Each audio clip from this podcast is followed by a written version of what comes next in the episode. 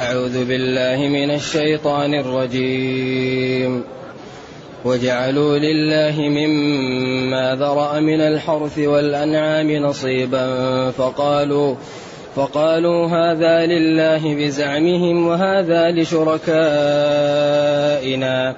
فما كان لشركائهم فلا يصل إلى الله. وما كان لله فهو يصل إلى شركائهم ساء ما يحكمون وكذلك زين لكثير من المشركين قتل أولادهم شركاؤهم ليردوهم وليلبسوا عليهم دينهم ولو شاء الله ما فعلوه فذرهم وما يفترون الحمد لله الذي أنزل إلينا أشمل الكتاب وأرسل إلينا أفضل الرسل وجعلنا خير أمة أخرجت للناس فله الحمد وله الشكر على هذه النعم العظيمة والآلاء الجسيمة والصلاة والسلام على خير خلق الله وعلى آله وأصحابه ومن اهتدى بهداه. أما بعد فإن الله تعالى يبين كفر هؤلاء وتشريعهم لأنفسهم ما لم يشرع له الله لهم. ثم يجعلون المال والحروث على قسمين. قسم لله وقسم للأصنام.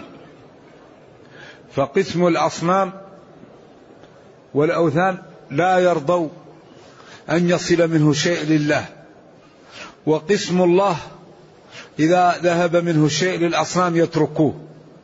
وإذا جاءتهم مجاعة يأكلون من قسم الله. وإذا جاءت مجاعة لا يأخذون من قسم الأصنام. اذا هم يعبدون غير الله ويجعلون غير الله مثل الله ثم بعد ذلك يحوفون فيما جعلوا لله على زعمهم. كما أخبر الله عنهم أنهم نسبوا لله البنات وهم يكرهونها. وجعلوا لله الآية. لا لا آية أخرى. أم له البنات؟ نعم. فهم فهم في هذا يعملون سيء وأسوأ. لأن ما في شيء أعظم من الشرك بالله. ثم يشركون بالله ويحلفون أيضا في الشرك. وهذا من باب التنزل والتعامل معهم بما يفهمون. جعلوا صيروا لله. مما ذرأ أوجد. من الحرث الزروع والأنعام المواشي. نصيبا حظا. فقالوا هؤلاء الكفار هذا لله بزعمهم جعلوه لله. وهذا لشركائنا. فما كان لشركائهم فلا يصل إلى الله. إذا جاءت الريح وحازته أو جاءت القنطرة وصبت في مال الله يجعل ذلك للأصنام. وما كان لله فهو يصل إلى شركائهم. ساء بئس وقبح ما يحكمون الذي يحكمون به أو حكمهم. وهذا الذي جعله شنيعا أن فيه كفرا بالله وفيه تشريعا. فالكفر كفر والتشريع معصية زائدة. لذلك ربنا لا يرضى أن يكون الحكم إلا له. إن الحكم إلا لله. ولا يشرك في حكمه أحدا. وأن أحكم بينهم بما أنزل الله. وقد عجب نبيه ممن يدعي الإيمان ويريد التحاكم إلى غير الله. فقال جل وعلا ألم تر إلى الذين يزعمون أنهم آمنوا بما أنزل إليك وما أنزل من قبلك يريدون أن يتحاكموا إلى الطاغوت وقد أمروا أن يكفروا به.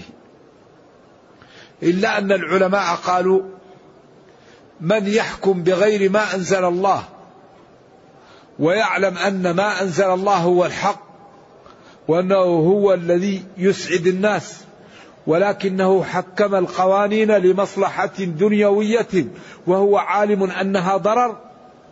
قالوا إن هذا لا يكون كفرا. أما الذي يحكم القوانين الوضعية يرى أن نظام السماء وشرع الله عاجز عن أن يحل مشاكل أهل الأرض فهذا كفر بالإجماع. الذي يرى أن الشريعة لا تصلح لأن تحكم في الخلق هذا كفر. أنها عاجزة هذا كفر بالإجماع. لكن إذا حكم القاضي بغير ما أنزل الله وهو يعلم أن ما أنزل الله الحق هذه معصية وكبيرة ولا يكون كفر. أما تقنين القوانين الوضعية ضد شرع الله فهذا مخيف جدا. أن يشرع ناس تشريعا يضاهي شرع الله فهذا مخيف. في غاية الخطورة. أما الحكم من غير تشريع أو جور في الحكم وهو يعلم أن حكم الله هو الأفضل فهذا معصية.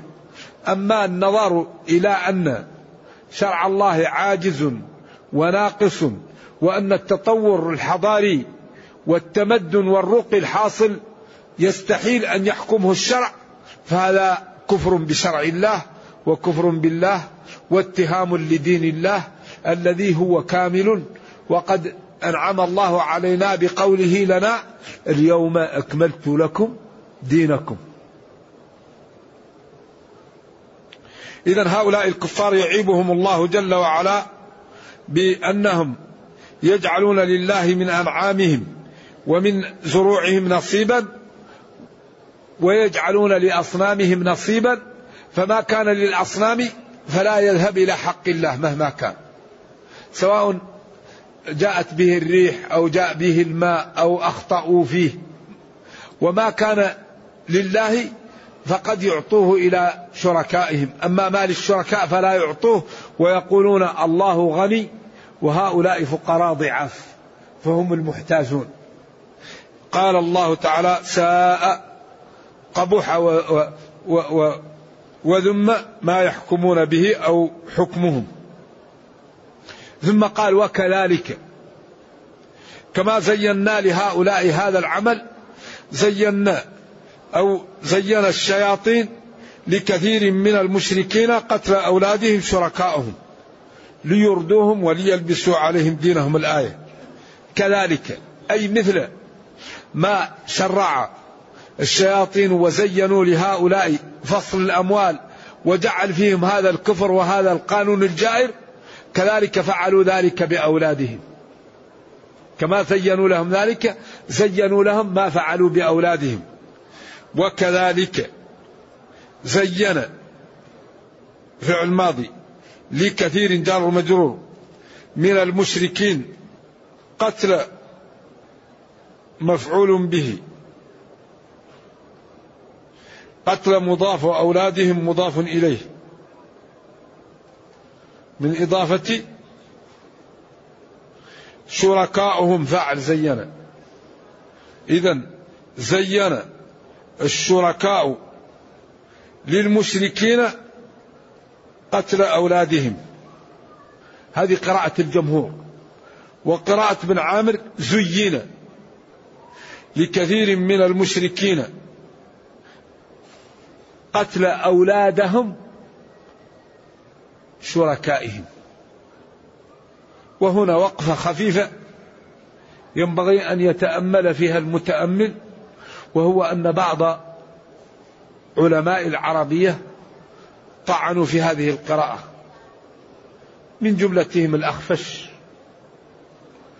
وكبير المفسرين ابن جرير إمام الدنيا والزمخشري. وغير هؤلاء من علماء النحو ومن علماء اللغة. وقالوا الفصل بين المضاف والمضاف إليه هذا ضعيف ولا يكون. والرد على هؤلاء بشيئين. الشيء الأول أن القراءات المتواترة حاكمة على اللغة. القراءات حاكمة على اللغة. والقراءات منقسمة إلى قسمين. قسم متواتر. بالإجماع وهي السبعة. وثلاثة فيها خلاف ضعيف والتحقيق أنها مثل السبعة. وما زاد على العشرة شاذ هذا الذي استقر عليه أمر القرآن والقراء. فالقراءات العشرة تجاوزت القنطرة. فالسبعة لا خلاف فيها والثلاثة فيها خلاف خفيف ولكن لا يعتد به وهي قراءة يعقوب الحضرمي وأبو جعفر المكي وخلف خلاف في اختياره عن نفسه. لأن خلف له راوي لأحد القراء وله قراءة خاصة به. فهؤلاء تكملة العشرة تجاوزوا القنطرة. قالوا مثل الثلاثة. تواتر السبع عليه أجمعون. مثل الثلاثة ورجح النظر تواترا لها. فالذين يطعنون في القراءات من علماء النحو والعربية محجوجون بأمرين. الأمر الأول أن القرآن حاكم على اللغة. لأن الله قال بلسان عربي مبين. والله ما يعني قوله الحق ومن أصدق من الله قيلا. هذا النقطة الأولى. النقطة الثانية أن الواقع وتتبع اللغة العربية يحكم به على أن القراءات العشرة متواترة على أنها لغة عربية مستفيضة معروفة. والقرآن يأتي فيه من الأساليب ثلاثة. يأتي فيه الفصيح والأفصح وهو والذي هو فوق يعني واصل إلى مرحلة فوق ذلك. يعني يأتي فيه الكلام الرسم والكلام المتوسط والكلام الذي هو في أعلى الدرجات من الكلام. هذه الدرجات الثلاثة التي جاءت في القرآن اختير لها من الأساليب ومن المكونات ما به وصل مرحلة يستطيع الخلق أن يصل إليها. لأنه اختار لكلامه حروفا معينة وكلمات معينة وتراكيب معينة في نظم معينة بحيث إذا تأمل البشر هذا التركيب علموا أن هذا مع أن فيه درجات الكلام المقبول الثلاثة لا يمكن أن يصل إليه البشر. لأنه أختار أحسن الحروف في أحسن الألفاظ في أحسن المعاني في أحسن النظم. قالوا فجمع بين الجزالة والعذوبة وبين السلاسة والفخامة وهذا لا يعهد في كلام البشر. ذلك أودعه الله من العلم والجمال والجلال والفصاحة والوضوح وجمال الطريقة. أمر لا يسمعه منصف إلا قال آمنت بالله. ولذلك ربنا يقول أولم يكفيهم أنا أنزلنا عليك الكتاب يتلى عليهم. ويقول جل وعلا فأجره حتى يسمع كلام الله. فأجره حتى يسمع كلام الله. وخاطب نبيه ممتنا عليه وقال له ونزلنا عليك الكتاب تبيانا لكل شيء. كل ما نحتاج إليه نفتح المصحف ونطلعه. إذا ما نقل عن الأخفش أو عن الزمخشري أو عن كبير المفسرين أو عن عائشة. ورد عنها أنها قالت كذبوا أخطأوا في هذا. واللغة لا يحصيها إلا نبي. ولذلك القرآن نزل بلغة العرب. فيه من كل اللغات.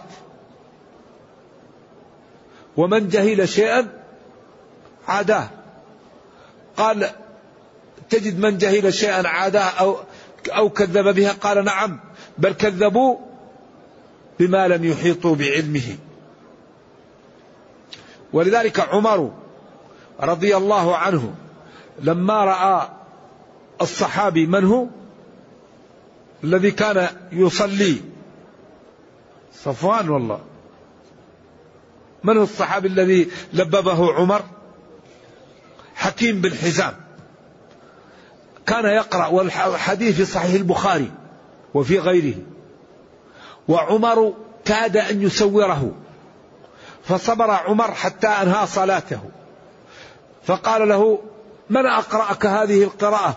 قال له رسول الله. قال له كذبت لقد أقرأنيها ومسك بتلابيبه. وعمر كان عمر. وجاء به إلى النبي صلى الله عليه وسلم وقال له سمعت هذا يقرأ على قراءة غير التي قرأتني بها. قال له أرسله يا عمر. قال اقرأ.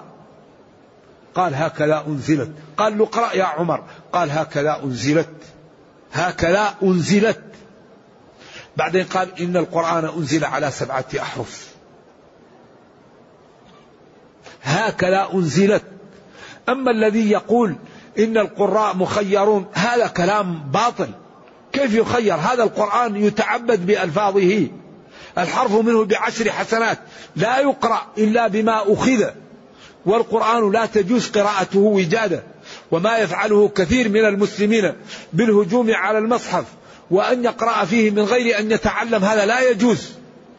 لأنه يقرأ قالوا قالوا و ومئة يقرأها ماء. وفيه والصلاة يقرأها الصلوات. وفيه حروف زائدة. فلا يقرأ في المصحف إلا لمن تدرب وأخذ العلم وفهم طريقة رسم المصحف العثماني ثم بعد ذلك يقرأ في المصحف. أما يهجم المسلم على قراءة القرآن من غير شيخ فهذا لا يجوز. القرآن لا يؤخذ وجادا جبريل علمه رب العزة والجلال وجبريل علم النبي صلى الله عليه وسلم والنبي صلى الله عليه وسلم علم الصحابة والصحابة علموا التابعين والتابعون علموا أتباعهم حتى وصل إلينا. ولذلك ابن مسعود يقول اقرأوا كما علمتم. اقرأوا كما علمتم. القراءة سنة متبعة. إذا يقول إنهم مخفف عليهم. يقرأ يصلى ويصلى وأسرى وأسارى وأنه مخير. لا هذه أمور نزل بها جبريل على النبي صلى الله عليه وسلم وعلمه. ولذلك قال لحكيم هكذا أنزلت.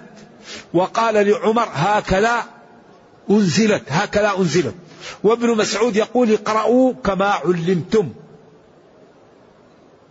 أما ما يقوله ابن جرير وكثير من الشيوخ في هذا العصر أن حذيفة بن اليماني لما جاء لعثمان رضي الله عنه حينما كثرت الفتوح وجاء من ريبشان وقال أدرك الناس لا وقع بينهم خلاف في القراءة وكل منهم يقرأ بقراءة فلان فجمع عثمان المصحف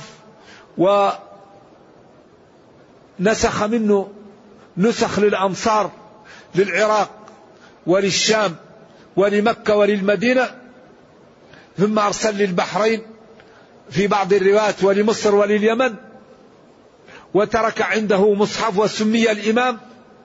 ما قالوه إنه نسخ ذلك المصحف على حرف واحد وحرق أو خرق أو ألاب ست حروف هذا باطل. وإن قال به جلة من العلماء. باطل باطل. أول لوجود هو هو الله ومن تحتها الأنهار. والواو من وسارعوا في قراءة سارعوا وفي قراءة وسارعوا وفي قراءة سبعية جنات تجري تحتها وجنات تجري من تحتها. لو كان حرف واحد ما يكون في هذا الخلاف. ولو كان حرف واحد لما احتيج ولذلك بعض الكلمات الزائدة جعل نسخة هنا ترسل هنا وترسل هنا. أما أغلب القراءات هي تتحمل الرسم. كتبينوا تثبتوا أسرى أسارى جمالات جمالة. لذلك تجد جمالة التاء غير مربوطة مفتوحة هكذا حتى تتحمل القراءة الأخرى. وقد صرح بذلك الإمام الداني فيما طبع من كتابه في الأحرف السبعة. قال في آخره أما ما حرق عثمان أو خرقه فهو ما كان منسوخا ولم يكن في العرضة الأخيرة أو كان تفسيرا للآيات.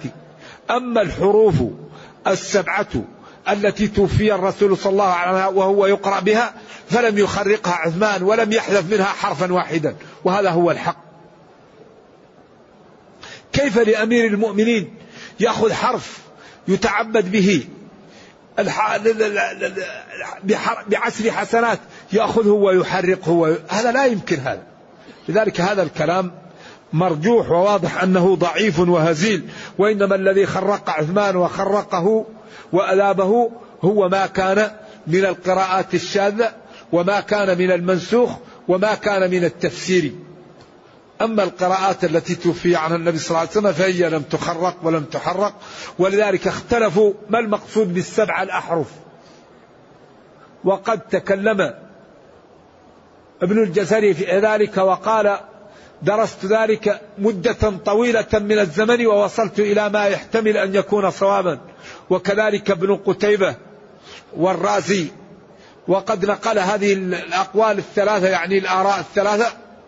صاحب مناهل العرفان. والحق أن يعني القراءات تجاوزت القنطرة وأن أي إنسان يطعن فيها فهو المخطئ. لأن القراءات المتواترة حاكمة على اللغة وأن استقراء كثير من اللغويين ناقص. حتى الاستقراء عندهم ناقص. الأمر الثاني أن واقع اللغة العربية وواقع القراءات من تتبع اللغة يجد كل قراءة متواترة مستفيضة في اللغة العربية. كل قراءة من القراءات العشر هي مستفيضة في اللغة وواردة في أشعار العرب وفي لغتهم وفي أساليبهم بطريقة لا تجعل لبسا في ذلك. نعم. إذا زين على هذا لكثير من المشركين قتل أولادهم شركاء شركائهم. وتكون هنا قتل مصدر بفعله المصدر ألحق في العمل أضاف إلى مفع... نصب مفعوله وأضاف وأضيف إلى فاعله. صلها قتل الشركاء أولادهم. نعم هذا هو. ليرضوهم ليبيقوهم. وليلبسوا يخلطوا عليهم دينهم. ثم قال ولو شاء الله ما فعلوه ولو شاء الله هدايتهم وتوفيقهم لوفقهم إلى سلوك الخير ولم يقعوا في هذا الأمر. فذرهم تهديد. مع افترائهم أو الذي يفترونه. ذرهم اتركهم وما يفترونه وما يكذبونه. فإن الله تعالى لهم بالمرصاد وسيجازي كلا بما لا بعمله. ولذلك الله في هذه السورة يبين أنه لو شاء لفعل لو شاء لفعل لو شاء لفعل. ولو شاء الله ما أشركوا ولو شاء ربك لآمن. كثير. وهنا يقول ولو شاء الله ما فعلوه.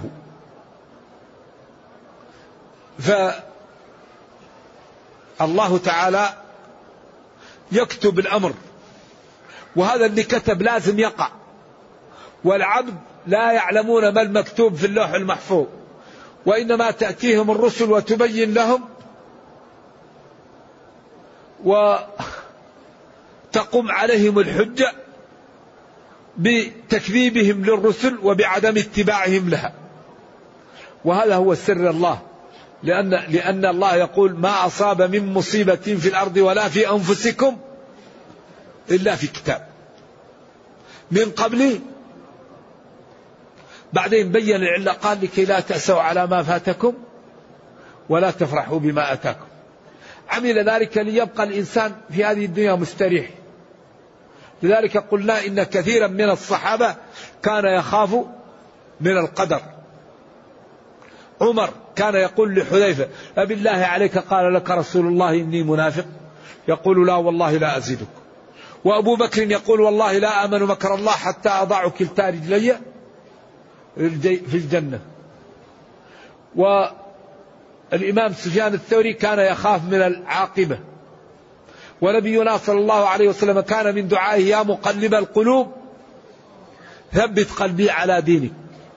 وموسى لما قال لآدم أنت أبو البشر خيبتنا وأخرجتنا من الجنة. قال أتلومني على أمر قد قدره الله قبل أن أخلق بأربعين. فحج آدم موسى فحج آدم موسى. لكن العلماء قالوا يستدل بالقدر على المصائب لا على المعائب.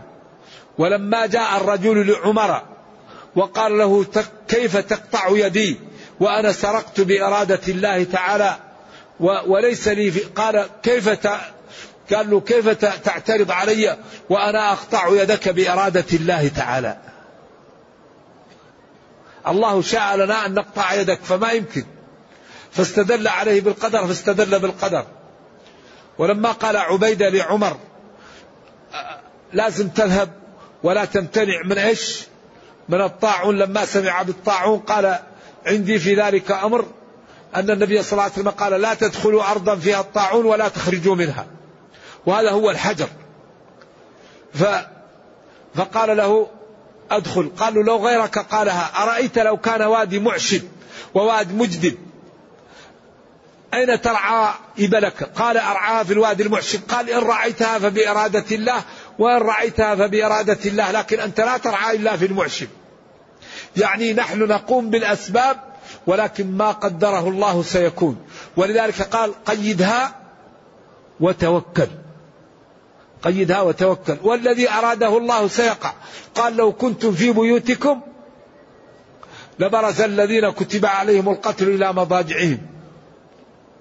الذي يريد الله ولو أرادوا الخروج لا أعدوا له عدة ولكن كره الله بعاثهم فثبطهم. لذلك هذا القدر سر.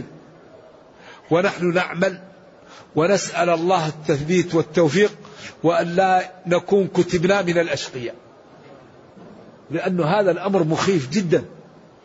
قضية السابقة لا يعلمها إلا الله. فالإنسان يكثر من الدعاء ومن العمل الصالح. وربنا كريم وقال اعملوا فكل ميسر لما خلق له. اعملوا اعملوا. لا لا لا يتكل واحد على على على على القدر. لا يجوز هذا. لأنك ما تعرف ما لا كتب. ما الذي كتب في الصحيفة؟ تجهله. إذا أنت قم بالأسباب واسأل الله التوفيق والتثبيت وعدم الخذلان. والإنسان يبتعد عن موارد العطب عن التهور والاستهزاء والمجاهرة لأن هذه من أسباب الخطر المجاهرة. كلكم معافى إلا المجاهرين. السخرية من أهل الدين. اخسأوا فيها ولا تكلمون. إنه كان فريق من عبادي يقولون ربنا آمنا. فاغفر لنا وارحمنا وأنت خير الراحمين. فاتخذتموهم حتى أنسوكم ذكري وكنتم منهم. إني جزيتهم اليوم بما صبروا أنهم هم الفائزون. فالسخرية والاستهزاء والأمن من مكر الله وعدم العمل هذه موارد عطب فليحذر المسلم منها ويسأل الله التوفيق. والله تعالى كريم ولا يضيع أجر من أحسن عملا. نرجو الله جل وعلا أن يرينا الحق حقا ويرزقنا اتباعه وأن يرينا الباطل باطلا ويرزقنا اجتنابه وأن لا يجعل الأمر ملتبسا علينا فنضل. اللهم ربنا أتنا في الدنيا حسنة وفي الآخرة حسنة وقنا عذاب النار. اللهم أصلح لنا ديننا الذي هو عصمة أمرنا وأصلح لنا دنيانا التي فيها معاشنا وأصلح لنا آخرتنا التي إليها معادنا واجعل الحياة زيادة لنا في كل خير والموت راحة لنا من كل شر. اللهم إنا نسألك أن تغفر لنا ذنوبنا كلها دقها وجلها أولها وآخرها علانيتها وسرها. سبحان ربك رب العزة عما يصفون. وسلام على المرسلين والحمد لله رب العالمين والسلام عليكم ورحمة الله وبركاته. يقول كذلك يستدل في القدر على المعاصي بأن تقع لفعل أبينا آدم. لا لا هذا شيء انتهى والله غفر له فأصبح قدرا. أما الإنسان يأخذ واحد ويضربه ويقول الله قدر علي هذا ما يقبل. ولكن القدر يستدل فيه على المصائب لا على المعايب. أيوة. ما يقول أنا قدر عليه يسرق مال الناس ويقول الله قدر عليه. نحن نقطع يده ونقول الله قدر علينا. ما. ولكن واحد جاء حدث من غير ما يقصد وهو لم يقصد هذا قضاء وقدر.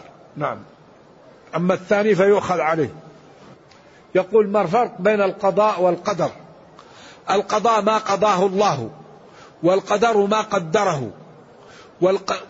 والتقدير هو الذي يقضى. ولذلك قال ولا أنت تفري ما خلقت. وبعض القوم يخلق ثم لا يفري. الله خلق الكون قبل أن يخلقه. وقال ما أصاب من مصيبة في الأرض ولا في أنفسكم إلا في كتاب. هذا القضاء. ثم ذلك القضاء قدره وأوجده. أو قدره أولا ثم قضاه وأوجده. ولذلك ربنا يعلم ما لم يكن لو كان كيف كان قال لو خرجوا فيكم ما زادوكم إلا خبالا وهم لم يخرجوا. نعم. والقدر نوعان القدر الكوني والقدر الشرعي. القدر الكوني لازم يقع هو المختوم. والقدر الشرعي قد يوافقه الكون فيقع وقد لا يوافقه. فأبو بكر قدر الله له كونا أن يكون من أهل الإيمان وقدر وطلبه منه شرعا قدر وأراده منه شرعا. فتحقق أبو لهب قدر طلب منه شرعا الإيمان ولم يرده كونا. ولذا يقع ما أراد كونا لا ما أراد شرعا. ولذلك قال وما خلقت الجن والإنس إلا لأطالبهم بالعبادة على أصح التفاسير لآمرهم وأنهاهم لأبتليهم. فيعبدني من قدرت له السعادة ويعصيني من قدرت عليه الشقاوة كما قال خلق الموت والحياة ليبلوكم للابتلاء. إذا الإرادة الشرعية قد تحقق مع الكونية وقد لا تتحقق معها لكن الإرادة الكونية لازم تقع. لأنه هو المختوم عليه مكتوب في اللوح المحفوظ هذا الكوني الذي أراده الله كونا. فقد يريده كونا وشرعا وقد يطلب من العبد شرعا أن يدخل في الإسلام ولا يريدها له كونا كأبي لهب. عافانا الله ولذلك سمع الله يقول تبت يدا أبي لهب ولم يستطع أن يقول لا إله إلا الله. لأن الله حكم عليه بالشقاوة. ولذلك الشقي من شقي في بطن أمه نرجو الله السلام والعافية. هذا جاء بحديثين وقال ما الفرق بين السنة والبدعة؟ وإذا كانت السنة هي أقوال الرسول وأفعاله فكيف تكون هناك سنة سيئة؟ وهل يمكن تسمية السنة السيئة بالبدعة؟ ولماذا أرجو التفصيل؟ هذا واضح. من سن سنة حسنة فله أجرها. ومن سن سنة سيئة. وقال كل بدعة ضلالة وقال ونعمة البدعة والأمور تتمايز بأساليبها. فكل بدعة ضلال لكن نعمة البدعة ليس هذا المقصود به البدعة الشرعية وإنما المقصود به البدعة اللغوية أنكم صليتم بعد النبي صلى الله عليه وسلم لأنه قال لا إني خشيت أن تفرض عليكم. ولولا أني خشيت أن تفرض عليكم. فلولا حرف امتناع لوجود. فامتنع الفرض لوفاة النبي صلى الله عليه وسلم. إذا نجمعهم لأننا فعلناه بعد النبي صلى الله عليه وسلم لوجود العلة والعلة زالت. إذا نعمة البدعة وهو تجمعنا بعد النبي صلى الله عليه وسلم لأنه بين لنا العلة التي منعته من القيام بنا وزالت وهو أنها تفرض ولما انتقل إلى الرفيق العلاء لا فرض بعده. إذا هذه ليست بدعة. أما سنة حسنة يعني إنسان قام أمام الناس ووجد فقير فتصدق عليه فتتابع الناس. هذه سنة حسنة. أما إنسان جاء ليسأل وهو محتاج فقيل له يا أخي أذهب ولا تأتينا فتتابع الناس فهذا سنة سنة سيئة أو امتنع من أن يعطيه. إذا الذي يسبق للخير هذا سنة سنة حسنة والذي يسبق للشر هذا سنة سنة سيئة. هذا المقصود. فاستبقوا الخيرات سابقوا إلى مغفرة من ربكم. أما الذي يسبق للسيئة هذا سبب أعوذ بالله في الشقاء. كما قال تبت يدا أبي لهب لما قال تبا لك ألسائر اليوم دعوتنا. وقال للآخر أسلمت على ما أسلفت. نعم.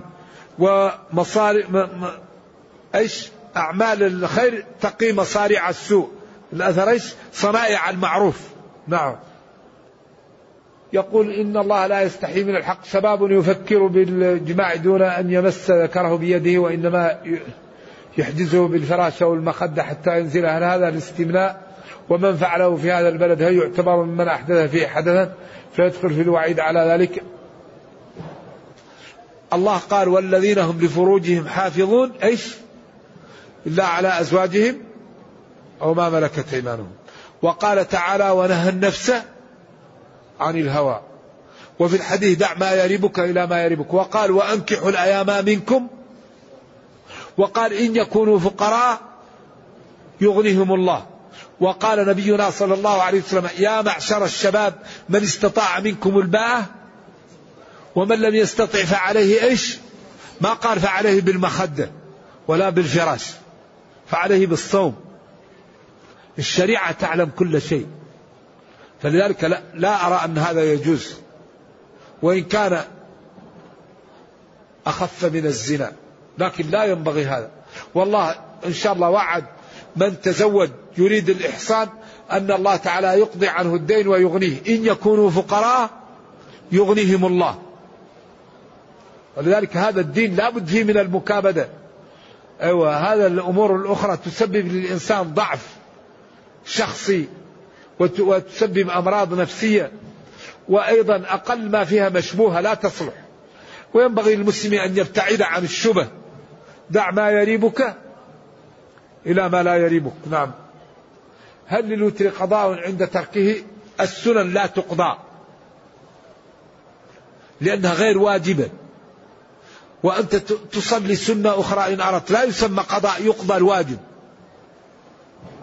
أيوة اللازم.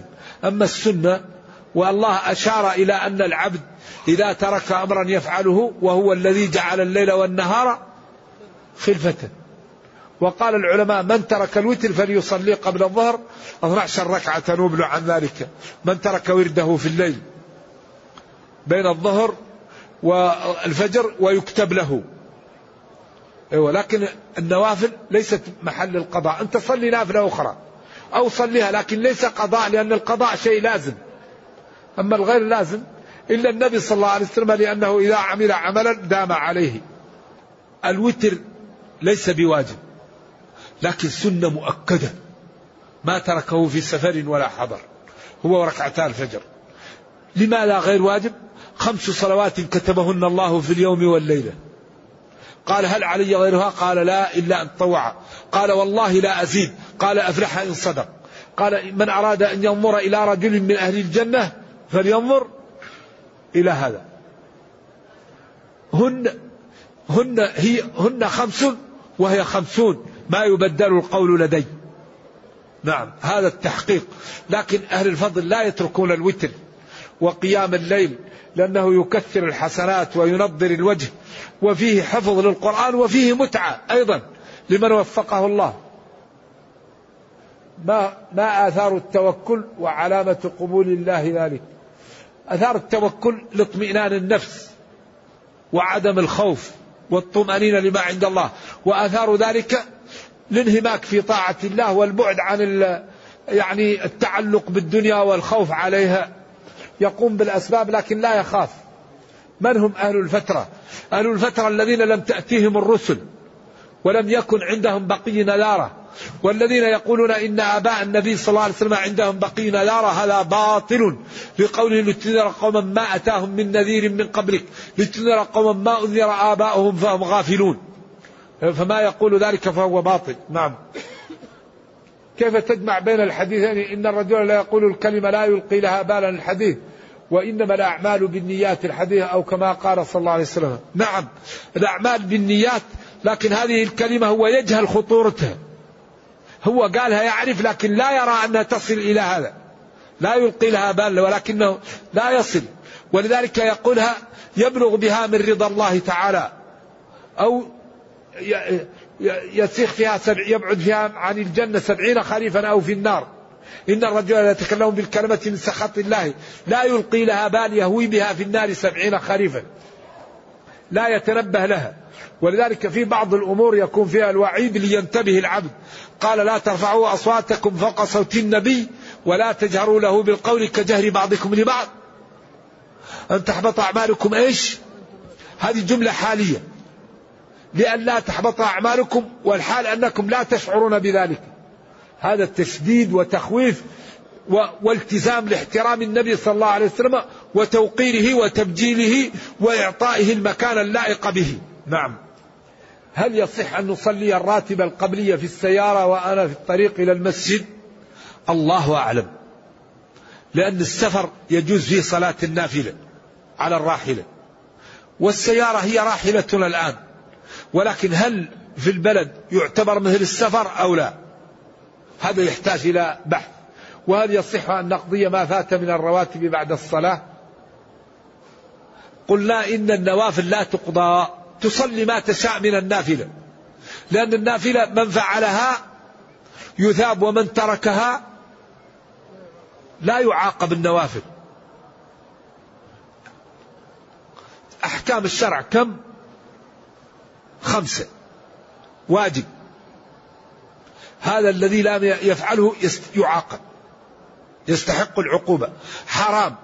والذي قدم عليه يستحق العقوبة. مسنون. وهو درجات. الذي فعله يؤجر. والذي تركه لا يعاقب. مكروه. الذي تركه يؤجر. طبعا احتساب. والذي فعله لا يعاقب. مباح. لا عقاب فيه ولا ثواب إلا بالنية. إذا نوى بالمباح أمور يكون فيه الأجر يعني التقوي أو الفائدة. المباحات إذا نوي فيها الخير تكون فيها إيش؟ الأجر. هذه هي الأحكام الخمسة. فالنوافل لا لا تقضى. وإذا قضيت أمر سهل لا تقضى يعني أنها أنت تصلي نافلة أخرى. لأن هي ليست لازمة. والذي يقضى اللازم في الغالب غير اللازم لا يقضى. ما حكم الصلاة في الروضة؟ وهل الصلاة فيها أفضل من غيرها في المسجد؟ النبي صلى الله عليه وسلم ورده أنه قال ما بين بيتي ومنبري روضة من رياض الجنة. اختلف العلماء. من من قال الجنة فوق الروضة. ومن من قال العبادة في هذا المحل تؤول إلى الجنة. ولم يقولوا قولا صدروا عنه ينبئ عن ري أقوال. لا أعلم فيها قول فصل. ولكن في الجملة تدل على فضل الروضة. أن الذي يجلس يقرأ فيها القرآن يستغفر يصلي أن هذا المحل فيه فضلية نوع الفضلية الله أعلم. وهذا لا يعتبر ظلما بأنه مقدر عنده كقول أبي لهب؟ لا لا يعد ظلما لأن تصرف المالك في ملكه لا يعد ظلما. والله لا يسأل عما يفعل والخلق خلقه. ولله المثل الأعلى أنت عندك غنم لو ذبحت منها واحدة. يقال ظلمتها أنت تملكها. ولذلك نرجو الله السلام والعافية. بعض الناس خلق كالشوك وبعضهم خلق كالتمر وكالعنب. وهؤلاء اللي تظهر فيهم الرحمة وهذا اللي تظهر فيهم النقمة وبضدها تتميز الأشياء ونحن نتبع ديننا ونسأل الله العافية. سبحان ربك رب العزة عما يصفون وسلام على